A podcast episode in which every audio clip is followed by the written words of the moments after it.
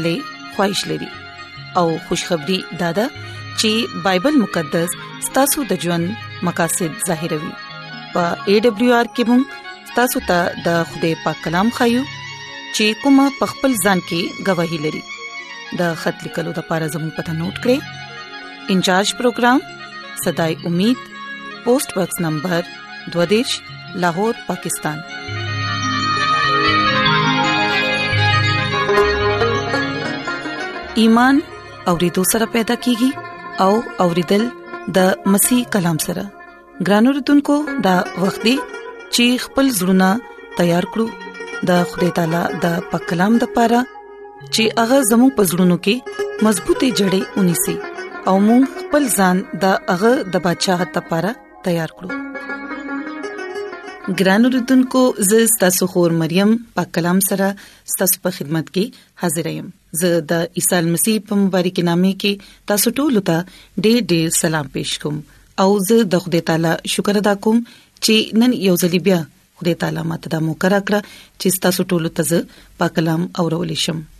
ګران اوردونکو دا خبره اړتیا ده چې ایمان اورېدو سره پیدا کیږي او اورېدل چې دی هغه د خدای په کلام سره د خدای تعالی کلام زموږ د قدمونو لپاره چراغ او زموږ د لارې لپاره رڼا ده کله چې موږ د خدای تعالی کلام خپل مخ کې ګدو کله چې موږ د خدای تعالی کلام په خپل زړونو کې ګدو او کله چې موږ د خپل ژوند برخه جوړو نو هغه وخت موږ د ګنا نه محفوظ پاتې کیدی شو د ګنا نه ځان بچ ساتلی شو د دې لپاره حضرت داوود دا فرمایي چې ما ستا کلام په خپل زړه کې ساتلې دي ځکه چې زه ستا خلاف ګناونه کړم نو ګرانو ردوونکو د خدای تعالی کلام موږ د ګناهونو نه بچ ساتي او د خدای تعالی کلام موږ ته ډېر زیات برکتونه راکړي ګران اردوونکو په دې دنیا کې ډېر خلک داسې دي کوم چې دا سوچ کوي د چا چې دا خیال دی چې سرفرازي یا کامیابی چکمه ده ګران اردوونکو په دې دنیا کې ډېر خلک داسې دي کوم چې دا سوچ کوي چې کامیابی یا سرفرازي یا کامیاب ژوند چکم دی هغه موږ ته په دې صورتحال کې ملاوي دي شي کله چې موږ زیات نه زیات علم حاصل کړو زیات نه زیات دولت جمع کړو یا کوم په معاشري کې زیات اثر رسوخ لرو نو بیا یقینا مونږ کامیاب او سرفراز ژوند تیرولې شو نو ګران وردونکو تاسو ته دا خبره معلومه ده چې کامیاب ژوند نه خو په دنیاوي اصولونو باندې عمل کول سره حاصلې دي شي کامیابی سرفرازي دولت سره هم نشي حاصلې دي کامیابی سرفرازي زیات علم سره هم نشي حاصلې دي او بیا سرفرازي او کامیابی داسې صورت کې هم نشي حاصلې دي کچري زموږ اثر رسوخ زیات دي زیات خلکو وینا دادا چې د سفارش د زیاتو خلکو وینا دادا چې د خ درجه پورې د خ عہده پورې رسیدل چي دي د هغه د لپاره د سفارش موجودګي ډیره ضروری ده هم په دغه صورت کې کامیابی او سرفرازي حاصلې دي شي نو ګران اوردونکو د خدای تعالی کلام تدا خبره کوي دا زیری زم د ټولو د پاره دی په دې دنیا کې چې موږ اوسېګو کامیاب ژوند تیرول غواړو په دې دنیا کې چې موږ اوسېګو سرفرازي اغستل غواړو د دې دنیا په بلندیانو باندې تل غواړو یاد ساتئ چې سرفرازي او کامیابی چې کومه ده هغه د خدای تعالی د طرفه ده هم خدای تعالی انسان ته سرفرازي بخي کامیابی بخي ګرانو دونکو کو چرې علم دولت د دې خبرې ضمانت وي چې هم د دې ذریعہ کامیابی سرفرازي حاصلې دي شو ګرانو دونکو کو چرې علم دولت د دې خبرې ضمانت وي چې هم د دې ذریعہ کامیابی سرفرازي حاصلې دي شي د دې نه بغیر ناممکن ده چې مونږ کامیاب شو یا یو ښه ژوند تیر کړو نو بیا ګرانو دونکو یا سته نو بیا ګران اردوونکو یاد ساتئ چې انسان ته به د خدای تعالی ضرورت نه پیښې دی یاد ساتئ چې خدای د دې دنیا خالق دی مالک دی او هم هغه انسان جوړ کړی دی او هغه انسان ته سرفرازي ورکړي او انسان بلندیان ترسي ګرانو دونکو کې د شي چې تاسو په ذهنونو کې دا سوال وي کې د شي چې تاسو دا تپوس کوي چې کوم خلک چې د خدای تعالی په لار نه زی کوم چې په ګناه کې ژوند تیری کوم چې ډیر ظالمان دي کوم چې د عیش عشرت ژوند تیری هغه په دې دنیا کې ډیر زیات کامیاب دي هغه سرفراز دي دا سي ولیدا ګران اردوونکو یاد ساتئ چې هغه سره چې هر څه دي هغه کامیابی هغه سرفرازي دا د لګوروزو ده دا ارزي ده دا د دې دنیا سره به ختم شي ځکه چې دا فانی ده خو کوم سرفرازي او کامیابی او برکت کوم چې موږ د خدای نه حاصلو دنیا خو به ختم شي او اسمان او زمکه به هم ختم شي خو دا د ختمېدو نه ده دا فانی نه ده دا عارضی نه ده ګران اردوونکو زبور 15 اویا دا غیش پغم او اوم آیت کې د لیکل دي چې سرفرازي نه خود مشرک نه نه د مغرب نه او نه د جنوب ناراضي بلکې دا خود خدای تعالی د طرفه ده هغه چې غواړي نو څوک پست کوي او څوک سرفرازه کوي د پاک کلام په ویلو او اوریدلو دې ډیر زیات برکت وي امين ګران اردوونکو مونږ ګورو چې د خدای پاک کلام په ډیر واضح انداز کې متدا خای چې سرفرازي نه خود مشرک نه نه د مغرب نه او نه د جنوب ناراضي بلکې دا دنیا مونږ ته هیڅ نشي راکولې زموږ سرفرازي زموږ کامیابی دنیا سره نه ده بلکې دا سرفرازي دا کامیابی د خدای تعالی سره ده او هم خدای تعالی خپل خلکو ته سرفرازي ورکړي کامیابی ورکړي نو ځکه په بایبل مقدس کې دا لیکل دي چې څوک خو هغه پست کوي او چاته سرفرازي ورکړي ګران اردوونکو ډیر خلک دا سوچ کوي او ډیر خلک دا وایي چې موږ د دې قابل شوی یو موږ د دې جوګ شوی یو چې موږ سرفرازه کې دي شو او کامیابی حاصلول شو ګران اردوونکو کچریم د خوده په طاقت باندې باور ساتو په خدای تعالی باندې ایمان ساتو په هغه باندې یقین ساتو نو بیا مونږه مخه د خدای نه د برکت په صورت کې کامیابی او سرفرازي حاصلول شو خو کوم په خپل طاقت باندې په خپل زور باندې په خپل قابلیت باندې باور ساتو نو بیا یاد ساتئ چې په دې صورت کې به مونږ ناکامیاب شو نو چې کوم خلک دا سوچ لري چې مونږ ته غټه او درا کړی شي مونږ ته دې غټه رتبه ملو شي مونږ ته دې کامیابی سرفرازي ملو شي ولې چې مونږ د دې قابل یو ولې چې زموږ ذهن ډیر خدي مونږ سره ډیر زیات علم دی زه د نورو نه ډیر بهتر یم ګران رودونکو د خدای تعالی کلام داسې خیالات ساتلو ولې تداوي چې نه خو سرفرازي کامیابی رتبه د مشرق ناراضي نه د مغرب نه نه د جنوب نه بلکې د خدای د طرفه ده کوم چې عدالت کول والا خدای دی انصاف کول والا خدای دی هم هغه دی چې څوک پستقي او چاته خو ډېر سرفرازي بخي ګران اردوونکو موږ د حضرت موسی د ژوند نه دا خبره زده کو کامیابی سرفرازي بشکه د خدای د طرفه ده هم هغه دی چې څوک پست کوي او چاته کامیابی او سرفرازي بخي نو راځي چې موږ د لکسات لپاره د حضرت موسی د تجربه لګه جایزه واخلو د خدای تعالی کلام موږ ته دا خبره ښيي چې حضرت موسی د بادشاه زوی او د تخت وارث کېدو په حیثیت سره په مصر کې چې هغه کوم تعلیم حاصل کړي وو هغه په هر لحاظ سره کامل وو یعنی مکمل وو او حضرت موسی چې کوم هغه شاهي خاندان کې د بادشاہانو د خاندان کې اوسېدو خطاریم تربیته حاصل کړي وو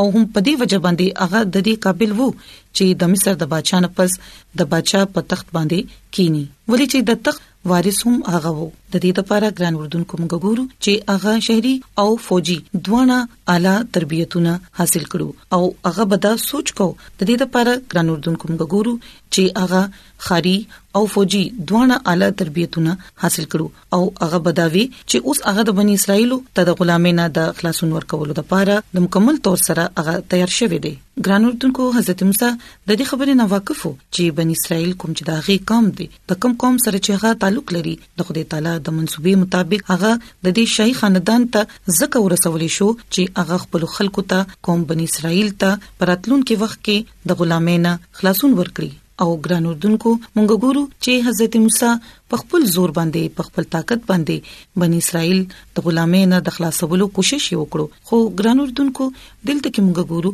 چې خدای تعالی سوچ سنورو حضرت موسی چې کله یو مصری قتل کړو او هغه یې په شګه کې پټ کړو او چې په دویمه ورځ باندې دا پته ولګیده چې هغه یو مصری وجلې دی نو ګران اردوونکو مونږ ګورو چې دا سې کول سره هغه دا خبره ظاهره ولا چې هغه په خپل طاقت سره کامیابی او سرفرازي حاصلول شي خو ګران اردوونکو مونږ ګورو چې خدای تعالی دا نه غوښتل هم د دې لپاره هغه حضرت موسی سلويخ کال پورې په بیابان کې وساتلو او د خدای په کلام کې موږ دا خبره ګورو چې حضرت موسی د خپل ژوند اولنی سلويخ کارونه چې دي هغه په شاهي محل کې تیر کړو او بیا د دینه پس سلويخ تو کال پوري هغه په بیابان کې اوسېدو او هلته به هغه د ګډو بيزو دیکبال کولو هغه به ساتلې او هم سلويخ تو کال پوري هغه ګډي بيزي ساتلې او ګران اردوونکو هغه تعلیم تربیت کوم چې حضرت موسی په مصر کې حاصل کړي وو هغه په ډېر له سره اوس کم شوی وو ګران اردوونکو حضرت موسی په فطرتي تور باندې د طبيعت نه یو تیز انسان وو په مصر کې هغه یو کامیاب فوجي لیډر وو او د بادشاه او د قوم ډیر زیات خوخو هم ځکه هغه د خوشامد او د تعریف عادي شوی وو او دا هغه پوره پوره د امید وو چې هغه به بنی اسرائیل د آزادې بندوبست چې دی هغه په خپل کولی شي خو ګران اردوونکو موږ ګورو چې د خوده د نمائندې په حیثیت سره هغه ته دلته یو ډیر منفرد قسم سبق حاصلولو څنګه څنګه چې په هغه د غرونو نه د شنو شنو غیاګانو نه او د کلو نه به هغه د خپل غړي بزو سره تیرې دو نو هغه به د ایمان د علم د صبر او د حلیمه اسباق چې دي نو دا باغ از د کول ګران اردوونکو حضرت موسی به د کمزورو نگرانی کوله د بیمارانو تیمرداری به کوله او کوم خلک چې به مظلومانو د هغوی به مدد کولو د وړو سره به مینا کوله شفقت سره به پیخې دوه غي سره او د مشرانو او د بزرګانو به عزت کولو او د کمزور خلکو به پرورش کولو دا خوې ساتنه به کوله او موږ ګورو چې د خدای خادمه مسز ایلن جی وایټ په خپل کتاب د شفا په چشمه داغي صفه نمبر 355 کې دا خبره لیکلې ده چې کوم کار هغه ته وسپارل شو هغه د ډېر ایماندارۍ سره داغي پوره کولو پوره پوره کوشش وکړو هغه خپل خوښه کې د خدای تعالی حضوري او د خدای تعالی ماموري حاصل کړه د دې تجرباتو نه پس حضرت موسی ته د اسمان نه یو بلنه راغله چې د شپونکي اصحاب رېګدا او د بنی اسرائیل د قیادت ځمېداري سمبال کړه نو ګران اردوونکو دا خبره اړتیا ده چې کله حضرت موسی سلويخ کال په بیابان کې تیر کړل او د ایمانداري ژوند یې تیر کړو او کله چې هغه ایمانداري سره هغه کار سرته ورسو کوم چې هغه تاسو پرې لشي وو نو موږ ګورو چې اخرکار خدای تعالی د خپل کار د پاره حضرت موسی راوغوښتو حضرت موسی ته د اسمان نه د بلنه راغله حضرت موسی ته د اسمان نه د بلنه راغله چې هغه د شپونکي اصحاب ریګ دي او د ګډو بيزو خیال دې پریږدي او اوس دې هغه هغه اسا اختیار کړی کوم چې د بنی اسرائیل د قیادت لپاره ده ګران اردوونکو موسی یو داسې انسان وو کوم چې خود سره او پر اعتماد نو همدغه وجوه چې کله هغه ته ویل شو چې ته د خدای تعالی نوم واخله او فرعون لاړشه او فرعون ته د خدای تعالی پیغام وروه نو موږ ګورو چې هغه وخت هغه ویریدو او د خپل نه اهل اقرار وکړو او ګران اوردونکو د خوده خادمه مسز ایلن جی وایټ فرمایي په خپل کتاب د شفا چشمه داغي صفه نمبر 355 کې چې کله هغه ته معلومه شو چې خدای تعالی چې کله هغه ته معلومه شو چې هغه د خودي د خولي خبري کوي داغه خدمت وکي نو هغه ډیر بیزړه شو خو بیا هم هغه په خوده باندې باور وساتلو او د خوده خدمت یې قبول کړو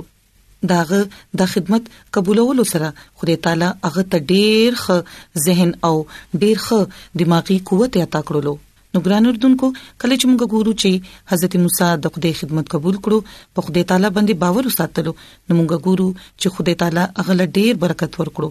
او داغي کمزوري سره خپل جلال ظاهر کړو او موږ ګورو چې هغه پر اعتماد او د خدای د خدمت سر تر رسولو لپاره قابل شو او چې کله موږ د استشنا په کتاب داغي سلور درشم باب او داغي په لسم آیت کې موږ ته د لوستلو تملاویږي چې کله خدای تعالی باندې هغه ایمان وساتلو داغي خدمت وکړلو نو لیکل شوی دی نو موږ ګورو چې د هغه وخت نه تر اوسه پورې په بنی اسرائیل کې یو نبی هم داسې نه دراغلی کوم چې د موسی په شان د خدای تعالی سره په مخ مخامخ خبرې کړي ګران اردوونکو دا خبره ریښتیا ده چې خدای تعالی خپل بنده موسی ته سرفرازي ورکړه کامیابی ورکړه ځکه اوس پوری یو نبی هم داسې نشته کوم چې خدای تعالی سره په مخ وړاندې خبرې کړي وي ګران اردوونکو موږ ګورو چې په دې دنیا کې ډېر داسې نبيان داسې پیغمبران راغلي دي کوم چې خپل ځان کې یو مثال دي خو موږ ګورو چې په حضرت موسی کې یو جدا خبره و او هغه دا و چې هغه به خدای تعالی سره مخ پړاندې خبرې کولې هغه ته هغه سرفرازي او کامیابی ورکړې شو کوم چې دنیا هغه ته نشو ورکولې کوچري هغه په شاهي محل کې اوسېدو کچري هغه په هم هغه شان شوکت کې ژوند تیرولو خواهش لرلو نو بیا ګران اردوونکو هغه به هغه برکت هغه سرفرازي کامیابی نشو حاصلول کوم چې د خدای تعالی د طرف نه و ولې چې ګران اردوونکو دنیاوی حکومت بادشاہي چې دا نو دا ارزي د لګور وزوي خو کما بادشاہي چې خدای تعالی موږ لرا کوي هغه ابدي ده هغه فانی نه ده او خدای تعالی خپل په بچای کې هم هغه خلکو ته دراتلو دعوت ورکي کوم چې په هغه باندې ایمان ساتي او په هغه باندې باور ساتي نو ګرانیدونکو د خدای تعالی کلام ته دا خبره خای چې موږ د خدای په نظر کې مقبولیت حاصلول شو موږ په دې دنیا کې کامیابی او د سرفرازه ژوند تیرول شو موږ په دې دنیا کې هغه برکت هم حاصلول شو کوم چې موږ ته دنیا نشي راکولې کوم چې په دنیا کې نشي پیدا کېدي خو دا برکت دا دولت د خدای د طرف نه مونږ ته ملاوي دي شي نو مونږ ته پکار دي چې مونږ په دولت په علم او په اثر رسوخ باندې د مونږ باور نه ساتو په دې سيزونو د مونږ یقین نه ساتو بلکې مونږ ته پکار دي چې په خپل خدای تعالی باندې ایمان او باور وساتو ولې چې د خدای تعالی په کلام کې دا خبره شته دا خبره ډیره په واضح انداز کې د خدای تعالی په کلام کې ده چې سرفرازي نه خود مشرک نه ده نه د مغرب نه نه د جنوب نه بلکې خدای چې عدالت کول والده یعنی هغه د انصاف خدای دی هم هغه څوک خو پست کوي او چاته خو سرفرازي بخي نو راځي چې ګران اردوونکو موږ د خدای تعالی په مخ کې د دعا وکړو چې اے خدایا زما ایمان زما باور پتا باندې دی زه خپل ځان په مکمل تور باندې ستا په لاسو کې درکوم تما د دنیا په بلندیانو باندې بوزا ته مال برکت راکړه ولې چې کم برکت کم کامیابی کم سرفرازي ستا سره ده هغه موږ ته دنیا نشي راکولې نو راځي چې ګران اردوونکو موږ د خدای تعالی شکر ادا کړو کوم چې موږ له سرفرازي راکې کامیابی راکې ولې خدای تعالی په خپل هم دا وعده کوي چې زه به د دنیا په اوچتوالو باندې بوزم نو راځي چې موږ د دعا غواړو اې د زمکه او د اسمان خالق مالک ژوندۍ خدایا موږ ستاسو شکر ادا کوو موږ ستاسو د نوم تمجید ادا کوو موږ ستاسو نوم له عزت ورکو جلال ورکو اے خدایا ته چې مهربان خدای ته مینا او محبت کول ولا خدای او اے خدایا هم ته چې انسان ته کامیابی او سرفرازي راکې ولې چې کامیابی او سرفرازي ستا په حضور کې دي تا په خپل داو فرمایل چې زبتا د دنیا په چتوالو باندې بوزم اے خدایا فضل راکړه چې موږ ستاسو په ایمان باندې اے خدایا فضل راکړه چې موږ پتا باندې ایمان او باور وساتو ستاسو په کلام باندې عمل وکړو ستاسو په حکمونو باندې عمل وکړو ولې چې اے خدایا کوم سرفرازي او کوم برکت چې ته موږ لراکې دنیا موږ لنه شي راکولې او اے خدایا ته موږ لا او زموږ خاندانانو لا ډېر برکت راکړي موږ ته خوشحالي راکړي سرفرازي راکړي کامیابی راکړي چې مونږه همیشه د پاره ستانوم ته عزت ورکړو جلال ورکړو اے خدای د دې کلام په وسیله سره ته مونږ ټول له ډیر برکت راکړي ولی چې زه دا دعا غواړم د عیسی المسی په نامه امين